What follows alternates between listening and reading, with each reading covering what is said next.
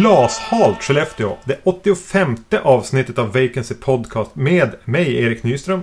Och mig Magnus Johansson. Det här är vårt årssammanfattande avsnitt. Eh, som vi brukar göra varje år. Just det. Mm, och vi spelar faktiskt in det här dagen innan nyårsafton. Just det, det kommer att bli nyårsafton under inspelning här. Ja, Ja. inte nytt år men väl nyårsafton. Yes. Ehm, Ja, vi kommer att prata lite om det gångna året. Och så kommer vi prata om en film också. och vår vana trogen eh, blir det en, eh, en eh, antologi. Som jag väljer att kalla det för att låta lite snobbig. Just det.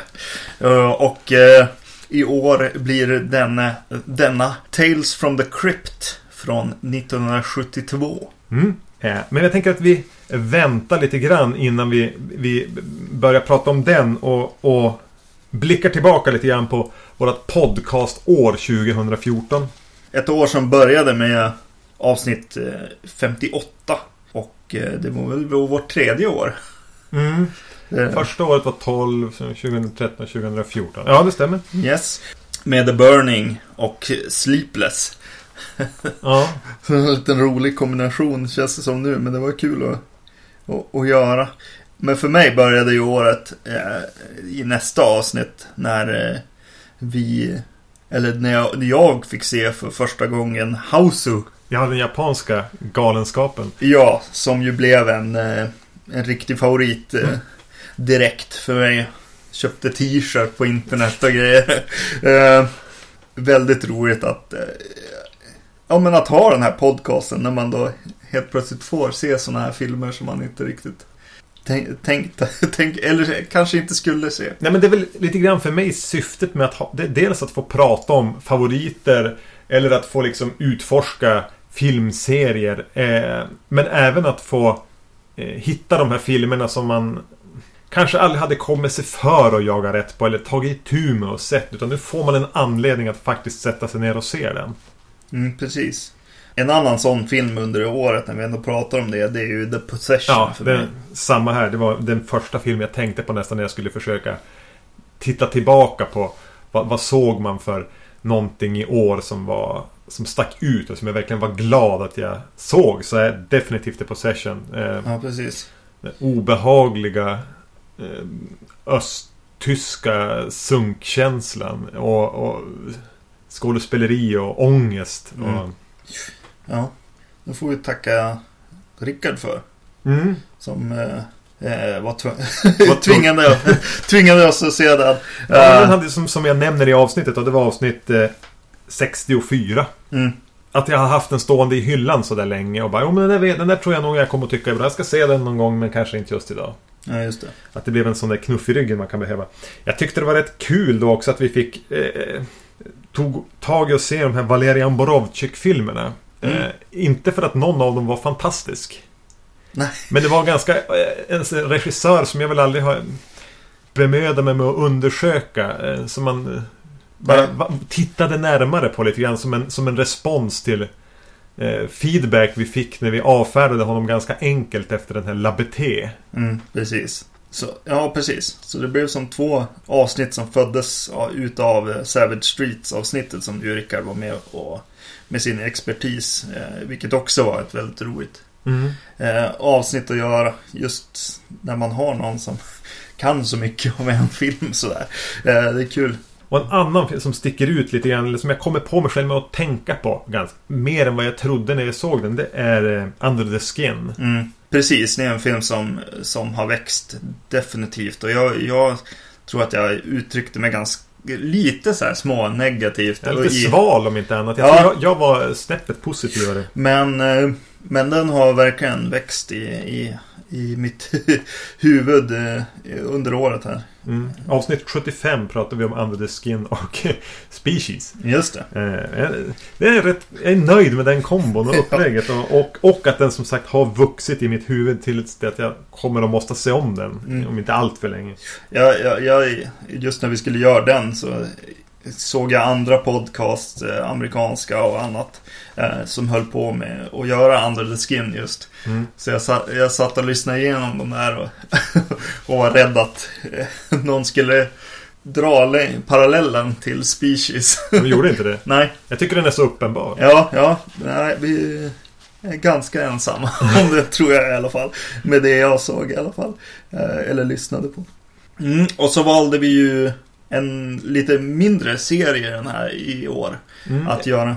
Eller, eh, jag tror många känner till Huset som Gud glömde. Eh, Mm. mer än vad de kanske faktiskt har sett någon av filmerna. Ja, Eh, och framförallt tror jag det är ganska få som har släpat sig igenom hela serien. Eh, ja definitivt. Eh, vilket kanske då gör att det kanske var lite trögt att lyssna på kan jag tänka mig. Jag vet inte. Ja, jag Ja. tror inte det var den mest uppskattade avsnitt för en mer slentrianlyssnare. Eh, Mm. och framförallt de som kanske inte vill eh, lyssna på avsnitt där de inte har sett filmerna. Nej, Eh, precis. så ska det bli ganska tungt. Och jag, jag kan Mm. väl inte säga att någon borde sätta sig och plöja alla de filmerna. Nej, precis. Och eh, ja, precis. Man får nästan tycka synd om de som eventuellt då eh, försökte haka på och se dem innan de lyssnade. ja, Eh, samtidigt var det inte lika jobbigt att se dem som jag trodde det skulle vara. Eh, just eftersom jag hade inte sett så många av dem. Eller det var väldigt länge sedan jag hade sett dem i sådana fall. Mm. Eh, så var det ju nästan jobbigare att sitta och tröska sig igenom så här, fredag den 13 filmer som, som man vet inte man inte riktigt tycker om. Nej, precis. Mm. Så det, det, jag lyckades hålla den här eh, utforskarandan vid liv hela vägen där. Även om... Mm. Mm, så här i efterhand känns det som en, en liten tre ganska tunga avsnitt. Ja. Jo, definitivt. Eh, 77 till 79 är det. ja, avsnittsnumren där ja. Eh, ja. Men vi nådde ju ändå botten. Eh, om du frågar mig med avsnitt 81. Mm. när vi gjorde barnskräck. Eh, dels var det ganska svårt att prata om The Burbs och eh, House 2. Eh, och sen såg vi även Nothing But Trouble som...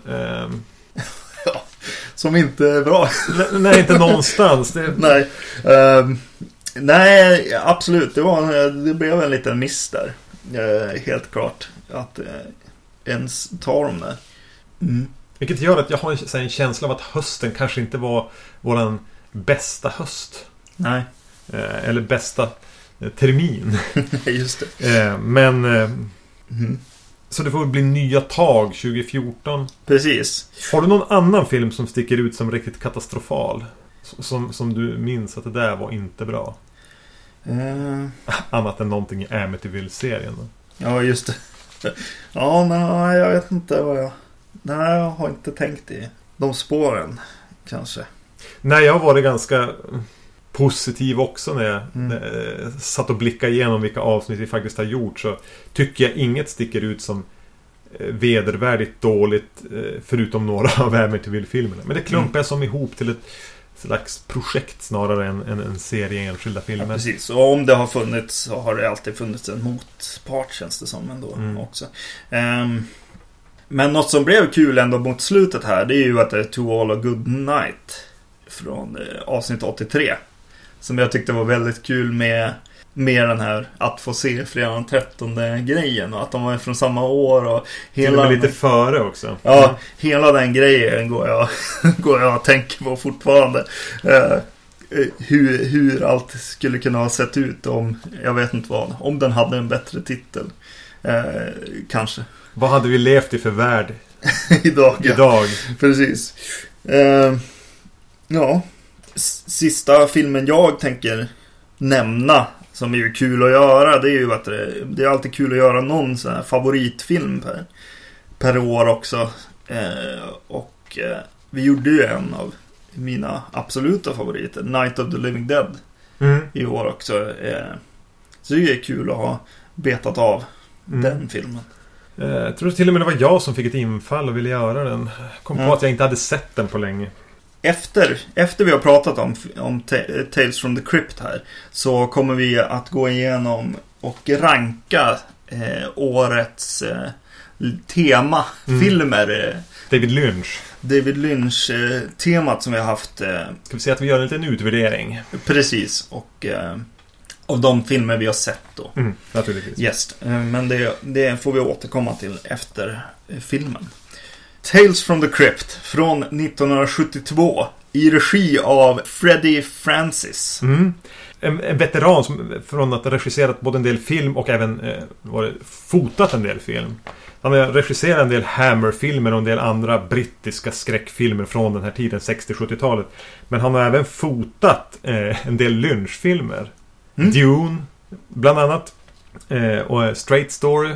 Han har fotat Cape Fear. Alltså Martin mm, Scorseses Cape Fear och även eh, The Innocents. Den här svartvita. Mm. Mycket bra spökhusfilmen från 60-61 någon gång. Mm, mm. Fin också, vacker. Ja, så han är ju en, en kompetent man. Ja. Hur som helst, här regisserar han alltså en, en, en episod Skräckis, som ju då är våran återkommande årssammanfattningstema, kan vi väl mm. kalla det för. Um, där ramhistorien som vanligt finns det en ramhistoria eh, där fem människor förirrar sig ner i en krypta när de ska gå en guidad tour en, under en kyrka. Så kommer de vilse och hamnar med en, en mystisk munk som eh, visar dem deras öde. Mm. Så vi får se, få fem olika eh, små berättelser om vad de här karaktärerna har varit med om. Mm. Eller ska vara med om. Mm. Och den första berättelsen eh, knyter vi tillbaka till To All A Good Night.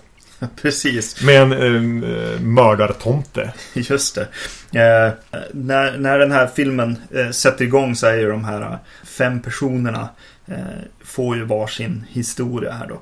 Och eh, ja, den första handlar om, om en kvinna spel, spelad av Joan Collins. Mm. Eh, som eh, i början av historien eh, mördar sin man på julafton. Precis, hon har tänkt eh, kunna dra nytta av en väl tilltagen livförsäkring. Hon, hon får lite problem tidigt med att eh, deras barn eh, vaknar. Mm. Och hon måste springa upp och, och lägga, lägga den här lilla flickan. Eh, så att hon inte ser att mamma dödat pappa här. Eh, och, och sen helt plötsligt eh, medan hon håller på att röja undan här för mordet så, så hör hon på ra radion mm. ett meddelande där det varnas om en förrymd galning som eh, är väldigt farlig. En mördare som eh, kanske eventuellt eh, har tomtedräkt på sig.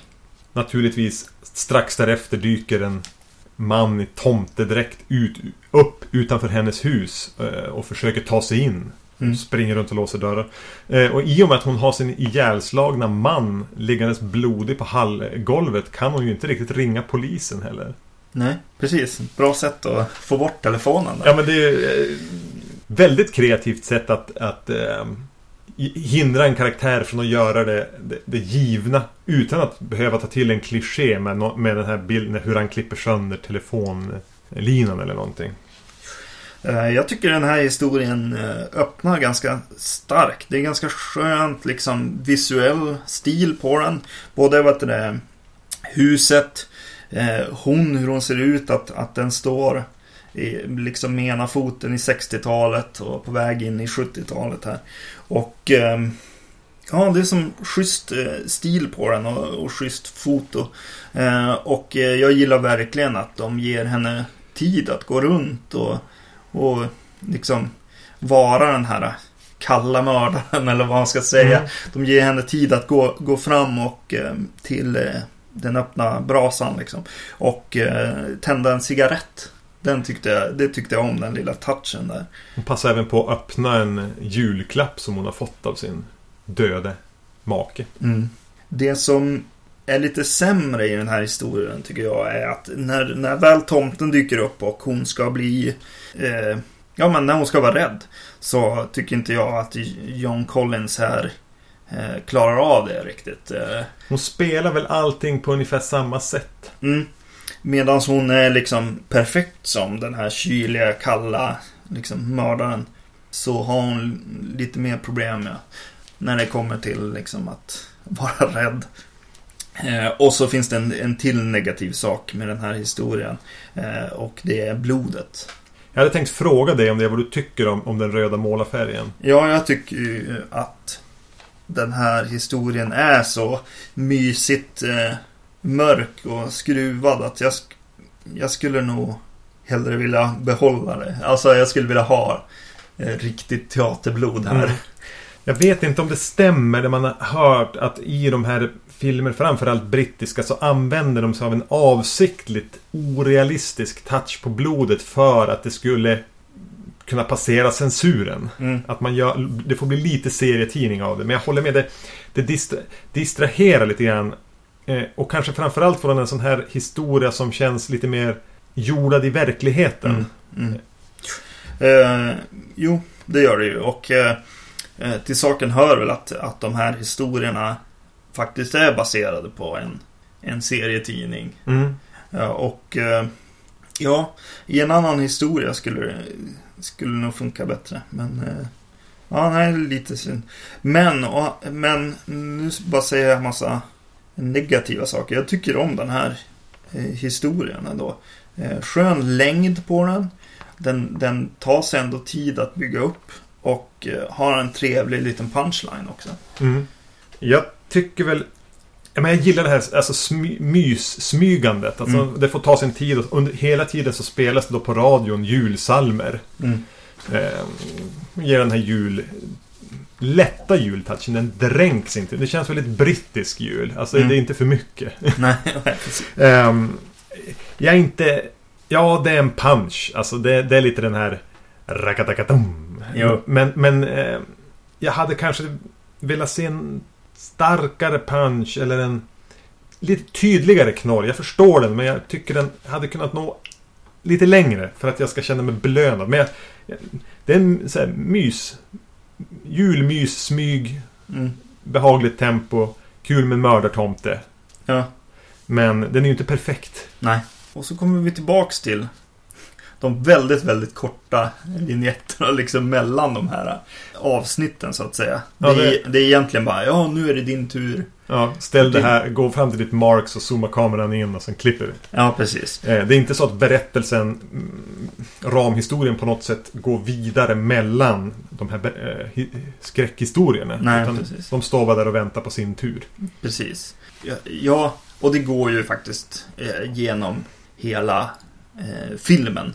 Inte bara eh, här, utan det, det fortsätter precis så var, mellan varje historia här. Så att vi kanske inte behöver nämna det förrän mot slutet. Men eh, jag, jag tycker ändå att någon, eh, bara för filmens skull, så skulle den haft en liten liksom andningspunkt någonstans liksom.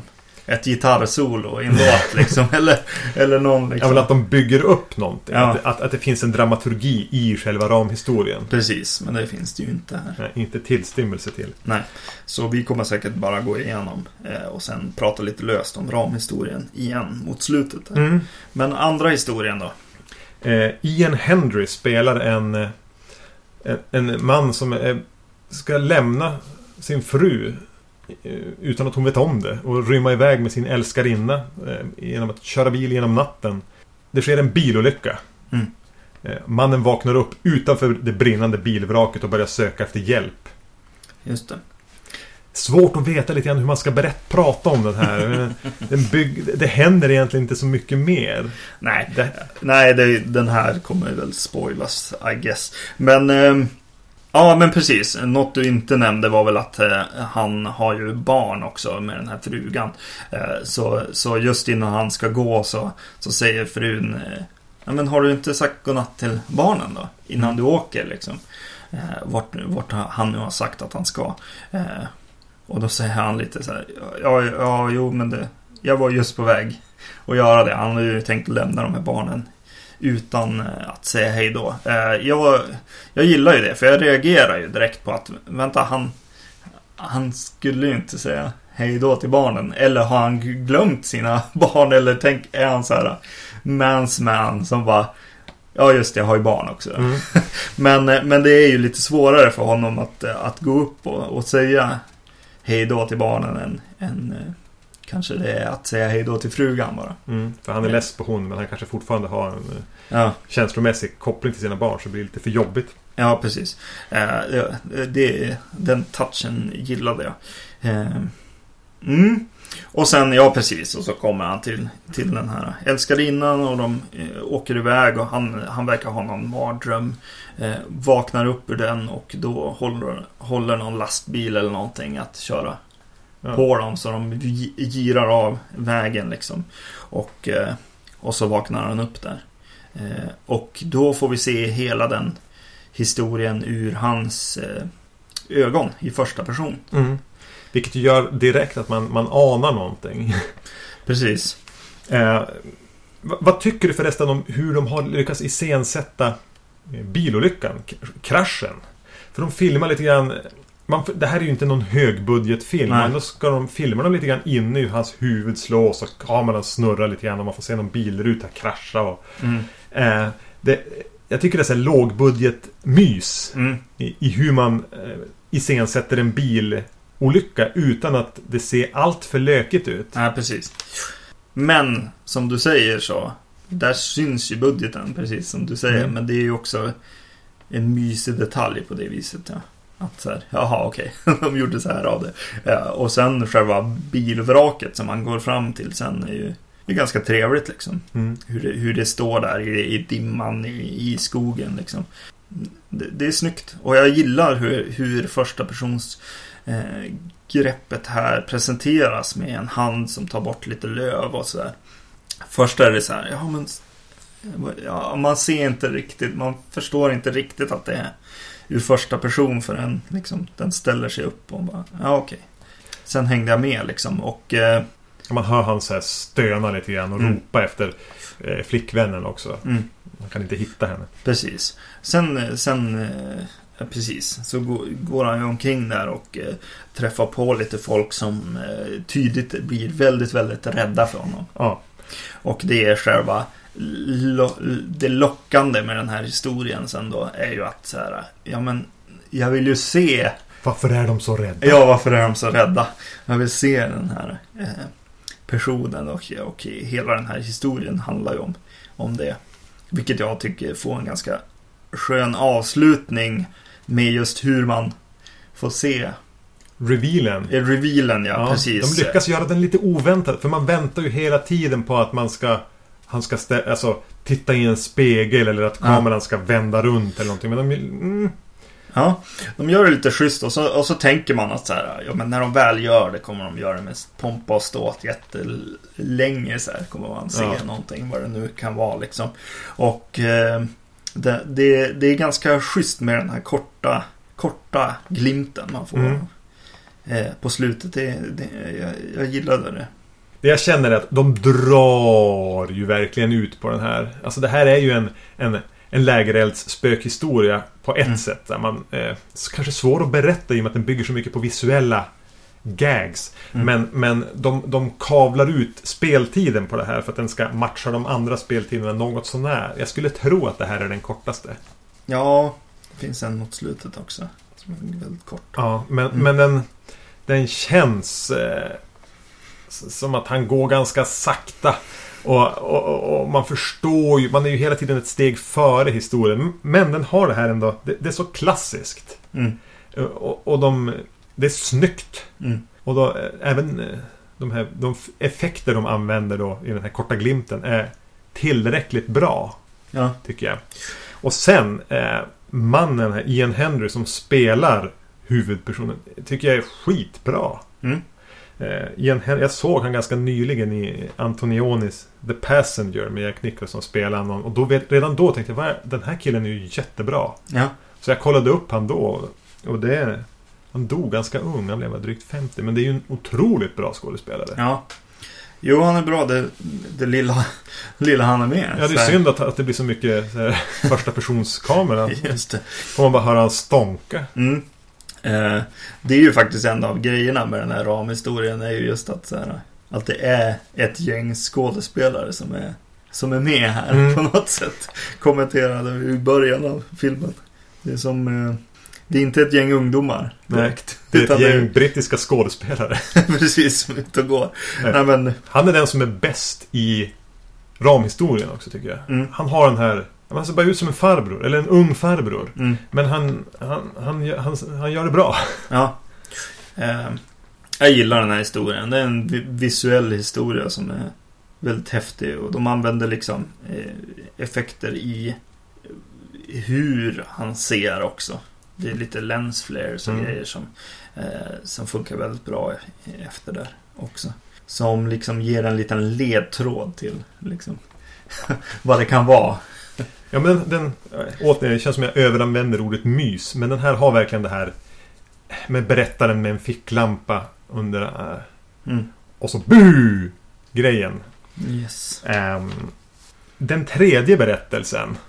Den handlar om en man som bor granne med en skrotsamlare.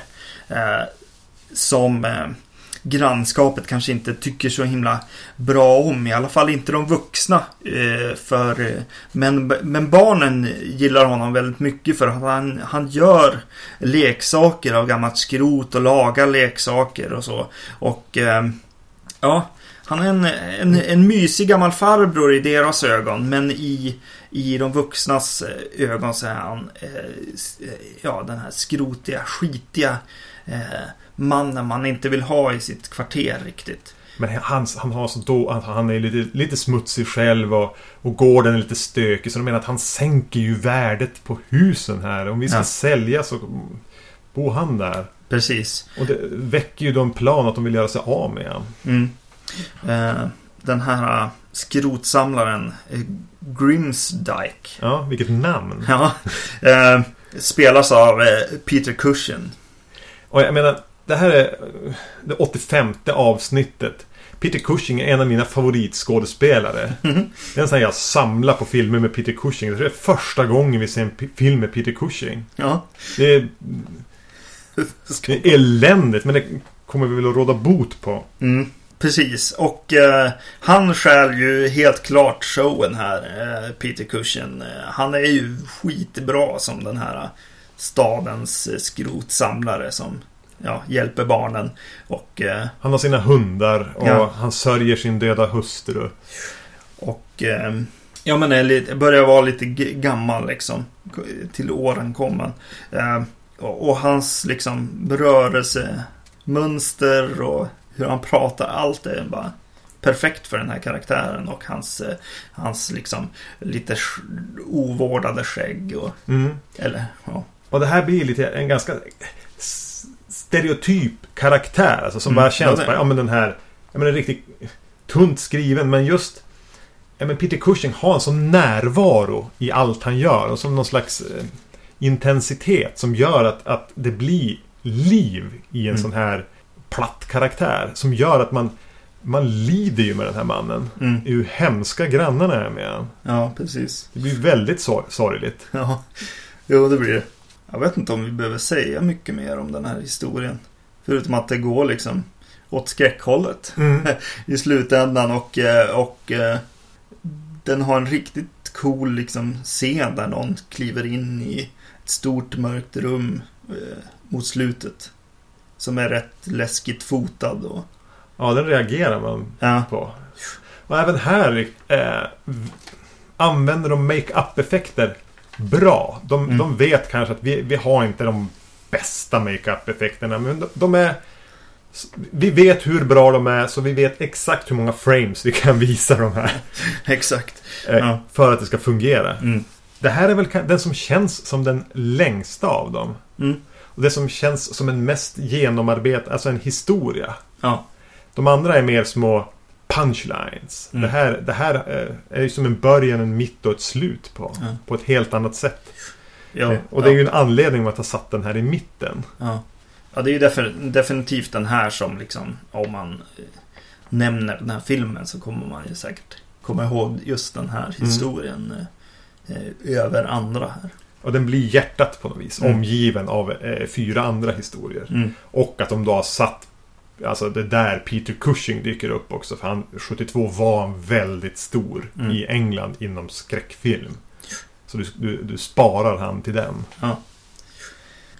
Den fjärde historien Ja.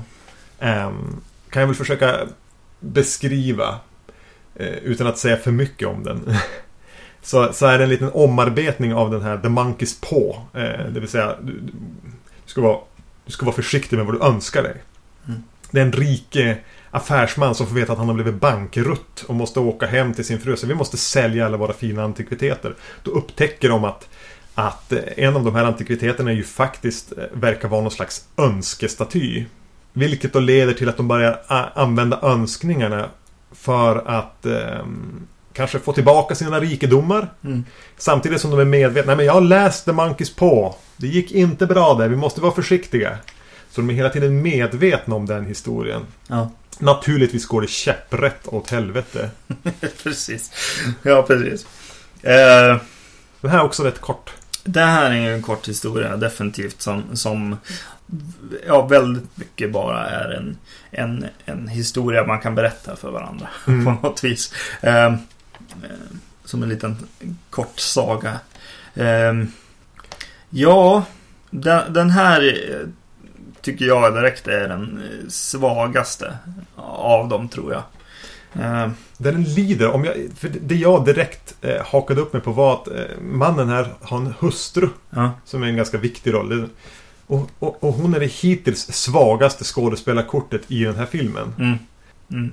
Jo men alltså precis. Ja, det händer ju saker så att eh, mannen här eh, avlider. Mm. Och hon ska eh, försöka få, få tillbaka honom eh, till liv med sina kvarvarande önskningar. Och, eh, och eh, den tid som den får här och hennes skådespeleri gör ju att man bryr sig ju inte överhuvudtaget. Nej, utan det blir verkligen Åh nej, min man är död. Jag måste återväcka honom. Inte så här, åh jag måste sörja och sen komma på. Alltså, Nej och hon är ju så, hon resonerar, alltså hon babblar ju hela tiden vad hon måste tänka på. Säger saker rakt ut på så här värsta möjliga berättande manér. Och Plus att de tar hit då, det måste till och med komma dit någon som hon kan stå och bolla med. Mm. Som ju däremot är en bättre skådis. Han tycker jag är rätt bra. ja. Han får som stå och hålla upp henne hela tiden. Eh, och det blir ju en del, han får som, hon, hon, hon resonerar någonting, det händer någonting. Han måste förklara vad det är som har hänt. På ett ganska så här lustigt sätt. Den här är väl den kanske mest med, den med mest eh, störst dos svart humor å andra Ja. sidan. För jag tycker punchen i den här är ganska kul. Ja. Eh, sättet de... Ja, men vad har du gjort? Du förstår det? Alltså de drar... Gnuggar i ansiktet på oss och på hon och bara, Det här är ju jättehemskt. Det här är ju för alldeles fruktansvärt. ja. Och ganska oväntat liksom eh, gory också. Ja, mycket. Eh, Blir kommer det. ett snabbt klipp där som är Ja, nästan opassligt i sammanhanget. ja precis. Eh, vilket är ganska skönt på något sätt. De skulle haft någon helbild kanske Mm. där också. så, så, och bara lägga kvar på det. Det känns som en, en, en, en verkligen konstruerad som en bild. Men den här kan vi lyfta ut eh, Mm. i, i, för att få kunna visa den på TV eller någonting. Ja. Då är det de här klippen som ska ut i filmen. Det där är ett av dem. Ja, precis. Ja, nej. Ja. Ah, inte så bra. Men, men som sagt, det, var, det, var, det är ju kul med det här slutet. eh. Den påminner väl lite grann om en i, i se, Vault of Horror-serien. Heter det, men det heter väl Tales from the Crypt egentligen. Alltså tv-serien som kommer på sent 80 tidigt 90-tal. Den med Bo Bridges, är någon eh, läkare som eh, lurar sin bror att de kan hålla personer vid liv eh, efter de har dött och någonting. Eh, Mm. Den påminner mig om den just med det här bara ett skrikslut. Ja. ja. Eh, Och den sista delen. ja, precis. Det utspelar sig på eh, ett hem för blinda. Har ni varit på ett sånt någon gång? precis. Eh, Gamla blinda gubbar. Precis, och eh, de eh, får dit en gammal militär som eh, ska sköta, eh, sköta om det här eh, hemmet och försöka hålla, hålla en budget. Mm. Som han väl ger mest till sig själv. den budgeten och klipper lite hos de här blinda männen. Bland annat så blir de av med värmen. Ja, Han slår av värmen. inga filtar. Nej, Eller då, för få filtar och tunn soppa. ja, dålig mat, ja precis. Ja, och som alla vet så, så eh, blinda har ju liksom, får ju, har ju inte synen kvar, men, men deras Andra sinnen. andra sinnen blir ju liksom nästan övermänskliga. Om en blind man fryser, då fryser han mycket mer än vad en seende man gör. Precis, och är en, en bit mat då äcklig så blir den extra äcklig för en blind man. Det är ett gäng Daredevil det här är. Ja, eh, för, det här förklarar. En av de blinda som, eh, som är väl den som får, får försöka gå in i den här eh, gamla officerarens eh, eh, rum och klaga åt Mm. de andras eh, vägnar. Han har ju då en hund som hindrar dem från att sätta sig upp mot honom. Precis, Ilsken schäfer. just det. De drivs ju då såklart till den spets att de känner att vi Vi står inte ut längre. Vi måste göra någonting åt den här hemska mannen. Mm. Och iscensätter världens långsammaste hämnd. Inte i det att, att det går flera år i hur de utnyttjar utan att det tar otroligt lång tid för oss att få veta vad de håller på med. Ja, Det är som att någon pausar filmen. precis. Eh, Det tar alldeles för lång tid på just den här uppbyggnaden och eh, och eh, läggs en massa tid på att vi ska tycka synd om de här stackars blinda och bli lite extra sura på den här ondskefulla liksom, officeraren. Men det är inte värt mödan den här långa, långa, långa stunden för att eh, det händer inte. Det händer inte för mig när jag ser den att så här, ja, jag tycker, jag, jag tycker med de här blinda. Eller jag är, jag, eh, jag tycker riktigt illa om den här officeraren. Nej, inget av det riktigt sker utan, utan det blir bara en väldigt, väldigt långsam liksom, uppbyggnad till, till vad vi inte vet. Liksom. Vi vet inte vad payoffen kommer att vara. Ungefär börjar man ju ana Ja. kan tänka sig men ändå så är den ju inte... Eller jag vet inte, ty- tycker du du får en stark payoff?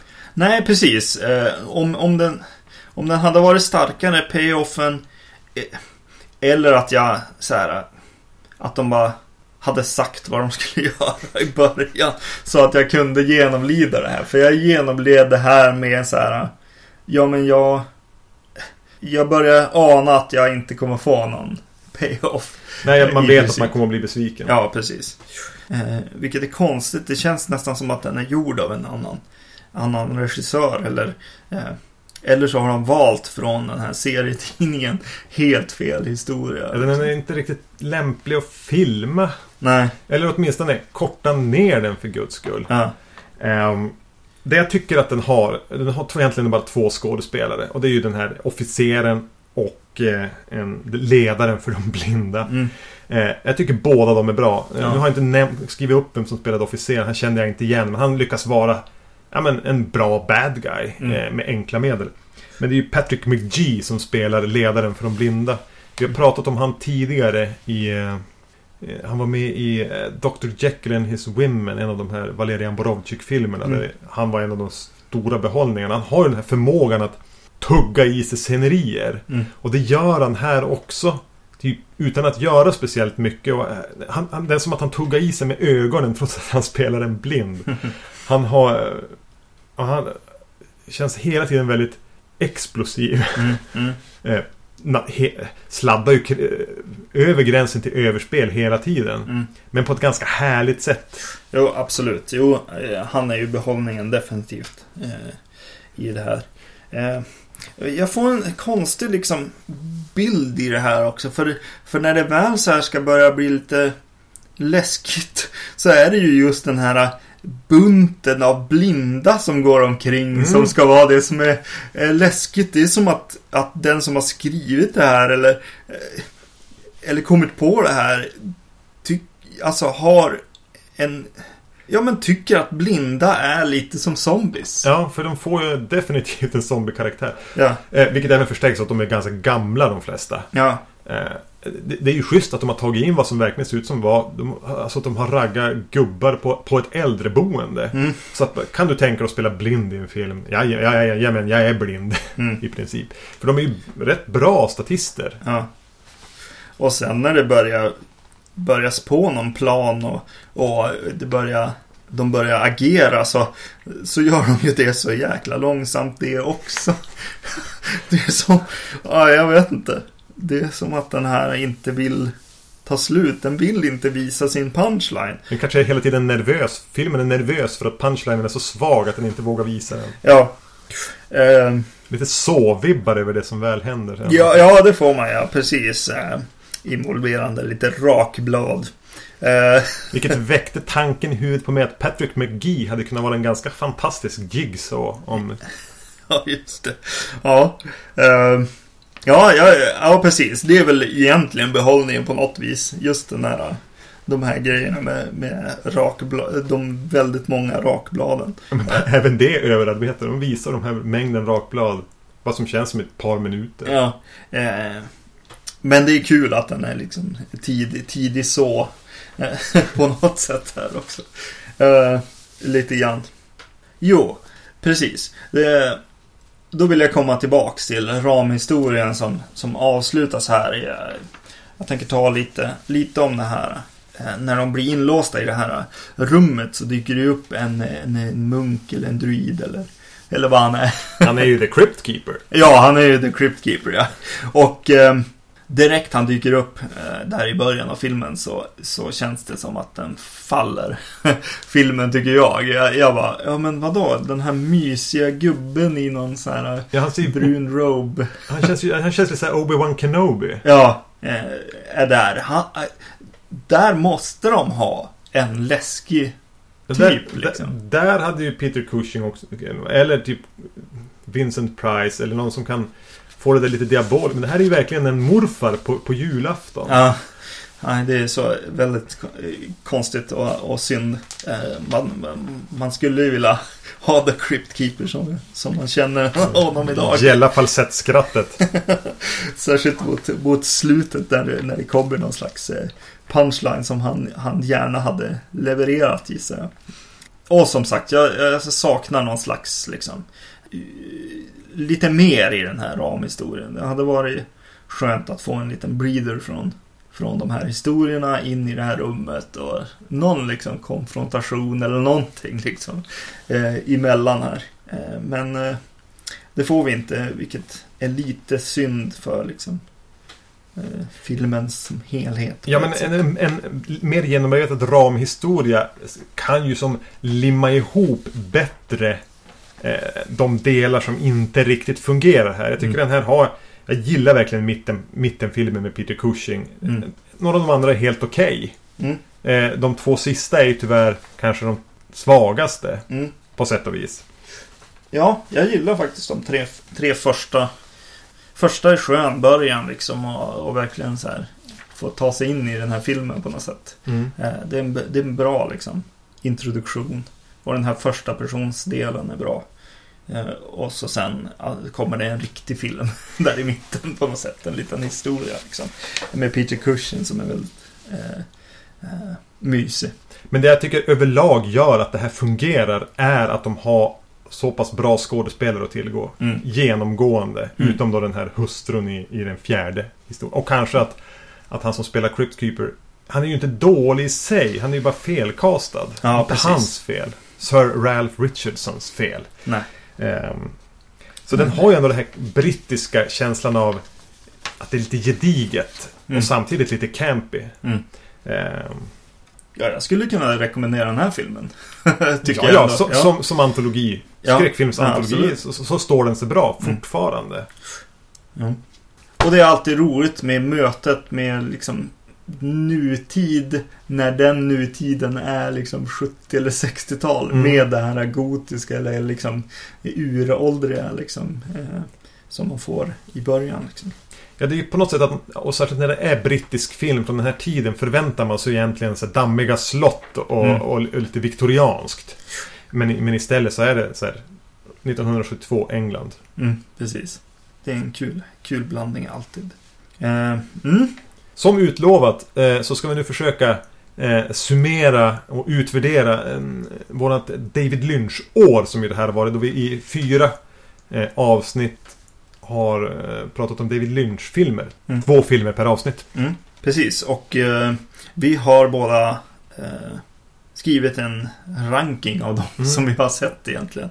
Eh, Vi kan väl börja med att nämna någonting om de två vi inte sett som väl ändå eh, fortfarande räknas som David Lynch eh, eh, spelfilmer. Och det är ju The Elephant Man mm, och The Straight Story. Och anledningen att vi valde bort dem var väl dels att vi ville inte göra för... Det får inte bli för mycket när vi gör ett sånt här tema. Utan fyra avsnitt på ett år känns eh, rätt mängd. mm, Och det är väl samtidigt de två av hans filmer som ligger längst från den...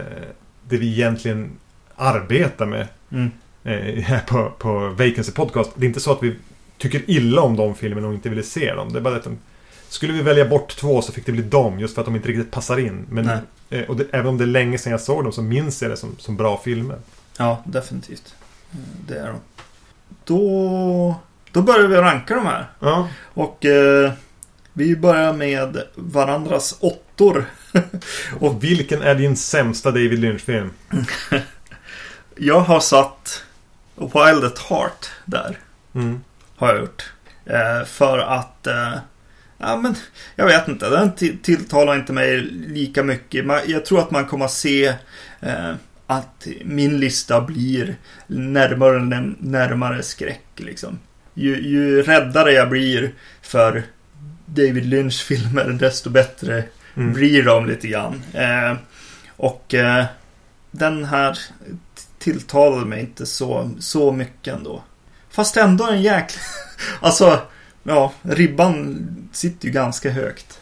Tycker jag, när det kommer till David Lynch. Mm. Jag har också The Wild at Heart på, som, som den sämsta filmen. Mm. Eh, och jag, jag vet att jag reagerade på den i avsnittet när vi pratade om dem. Att vi satt och var ganska positiva. Mm. Och sen som slutkläm, fast det här var ändå inte så bra. Nej. Eh, Det är någonting med den här gangstern, eh, Willem Dafoes karaktär, att de är jagade och de gömmer sig och de ska iväg och göra någon bank, alltså som bara är extremt tröttsamt. Mm. Sen har den ju glimtar av briljans som Elvis-grejerna och sånt där, men Mm. när jag tänker tillbaka på att jag faktiskt sitter och ser den så vet jag att jag var inte road. Nej. Samtidigt så är minnena av den så har jag som plockat bort allt det Ja. som inte är bra. Ja, precis. Eh, eh, nummer sju. Där har jag satt eh, Dune. Eh, som ju är hans lite annorlunda film. Där, där liksom stor eh, kom in. Eh, och det är även en sci-fi rulle som är ganska stor sådär. Eh, jag gillar ändå en del saker i den. jag tycker om liksom Ja men det här eh, lite magis, magin och sådär som finns i, i Mm. Dune eh, eh, mytosen här som, som funkar bra i David Lynch eh, händer. Ja, Jag har också Dune på sjunde plats Ja. naturligtvis. eh, och jag, och jag, småtråkig är den och den är, de har komprimerat väldigt mycket historia till väldigt kort tid. Men den är ändå rätt visuell. Den har bra idéer. ehm, och, det här lite flummiga med voiceovern. Mm. Så jag brukar hata voiceovers, men här gillar jag det. Ja. Eh, och en sak jag kom på i, som jag inte nämnde eh, i avsnittet är att den har otroligt snygga, vad heter det, fonter, text, hur den skrivs. Alltså, känns fortfarande futuristiskt. Mm. Vi har inte kommit dit än, där David Lynch var med Dune 84. Nej, det. Ja. Men på det hela taget, nej. Nej. ja, nu börjar det Hur länge kommer vi att eh, gå hand i hand genom Ja, listan? precis. Nu kan jag säga att eh, jag började få svårt. För att nu börjar jag tycka om filmerna. Så att, eh, att sätta någon liksom lägst av de här var lite, lite jobbigt sådär. I slutändan står det Inland Empire på mitt papper. Ja, vad, ska jag säga? Skitbra film tycker jag. Eh, det, som, det som hände mig var ju att jag sett den här. Jag såg den här på bio Mm. och blev helt golvad.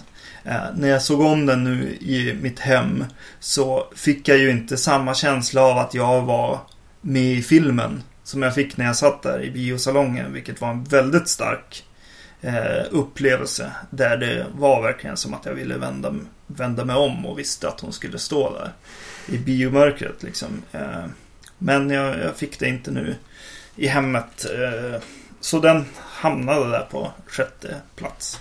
Mm, och här följs vi inte åt längre som Nej. tur är. Ja. För jag satte Lost Highway som, eh, på, på sjätte plats. Mm. Eh, skitbra första halvtimme, 40 minuter. Har den här lynchiska mardrömssuget. Där man nästan inte riktigt vågar titta bitvis. Mm. Och sen faller den sönder i en sån här fult fotad, eh, blaskig gangsterhistoria igen. Som är den sämsta av hans gangsterhistorier. Den är Mm. aldrig så dålig som den är i Lost Highway. Nej.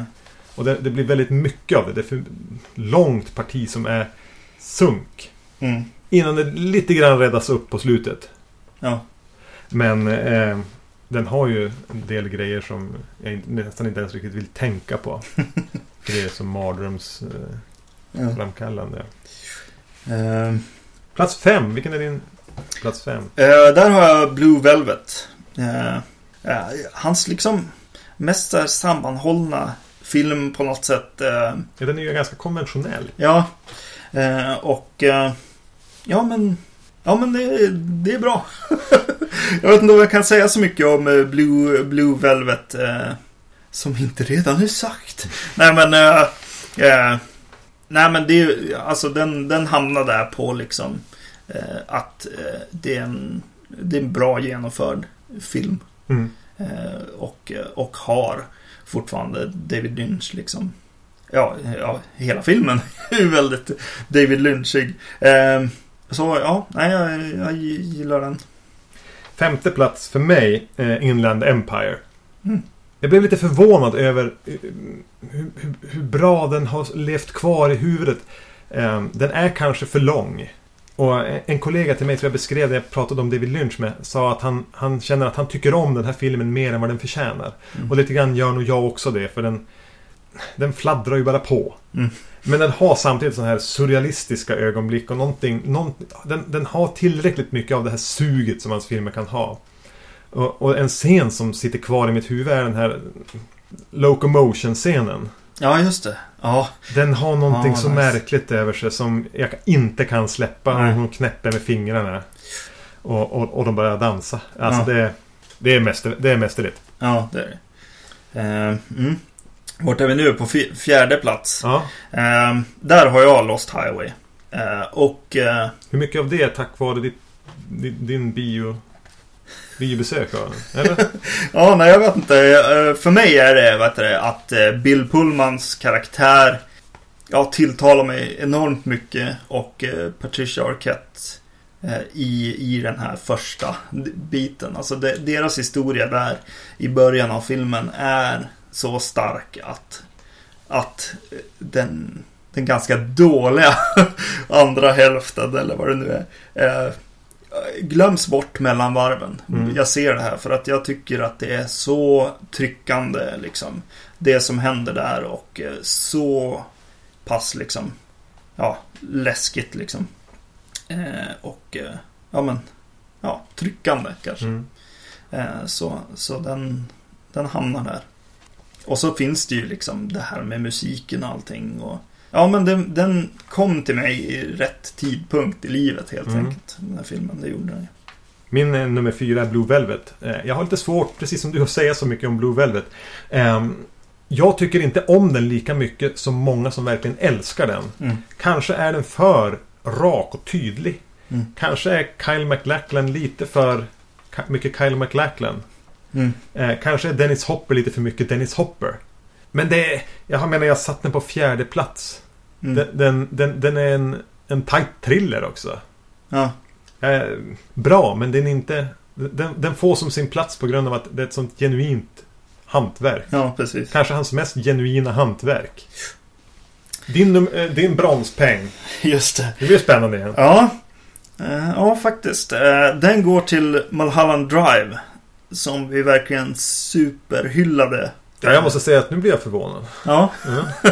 I, I ett avsnitt här. Eller senaste David Lynch-avsnittet.